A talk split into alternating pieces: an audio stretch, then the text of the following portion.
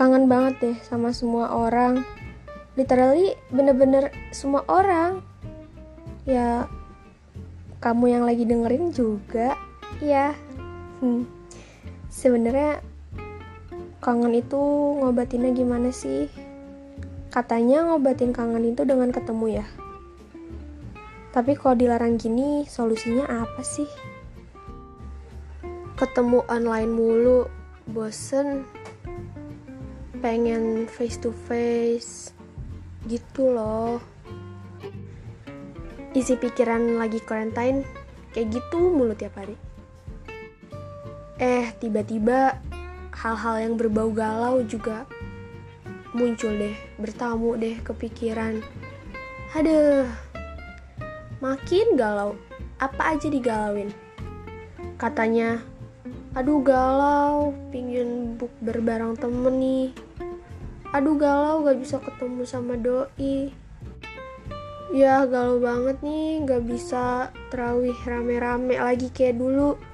Intinya semua hal jadi digalauin iya gak sih? Atau enggak?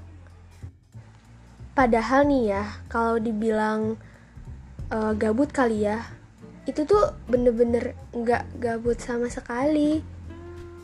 Tugas banyak banget rapat sana sini tapi tetap aja gak sih yang namanya dikurung dalam suatu ruangan, pikirannya justru yang pergi ke mana-mana. Terus tiba-tiba Nurani angkat bicara. Udahlah, sekarang yang penting produktif. Buang pikiran negatif dan pikirin orang yang emang kita perlu pikirin. Pikirin suatu hal yang memang mesti kita pikirin. Terus pikiran bilang, loh tapi ini bener-bener semua orang, semua orang jadi dipikirin. Mau orang yang nyebelin kayak, mau orang yang bikin seneng sekalipun. Itu tuh kepikiran gitu. Oh iya, untuk kalian yang seorang secret admirer, ngerasa gak sih orang yang kalian kagumin itu jadi ngilang?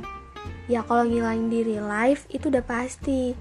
Dan ini bener-bener ngilang juga di virtual life Terlebih, orang yang kalian kagumin itu bukan orang yang kalian kenal.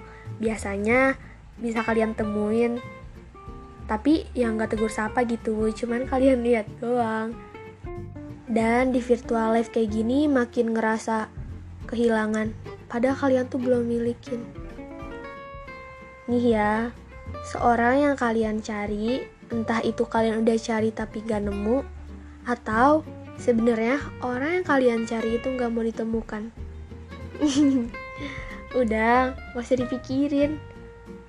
Aduh, tapi dengan aku ngomong gini justru malah kepikiran ya. Hmm, maaf ya. Oh iya, anyway, ada salah satu kutipan dari novel favorit saya yang secara genuine bener-bener bagus gitu deh Novelnya yaitu novel Amor Fati karya Stefani Bella dan Syahid Muhammad. Jadi gini, kembali pada sebuah pemahaman perihal merasa, bahwasannya manusia adalah makhluk dinamis yang tidak pernah rela untuk diam, seolah diam berkebalikan dengan makna hidup itu sendiri. Perasaan, pemikiran, kesenangan, kesedihan adalah sebuah ledakan supernova di angkasa yang akan membentuk kehidupan. Namun, baiknya ledakan, semua ledakan bermula dari ketiadaan, dan setiap ledakan hanya bersifat sementara.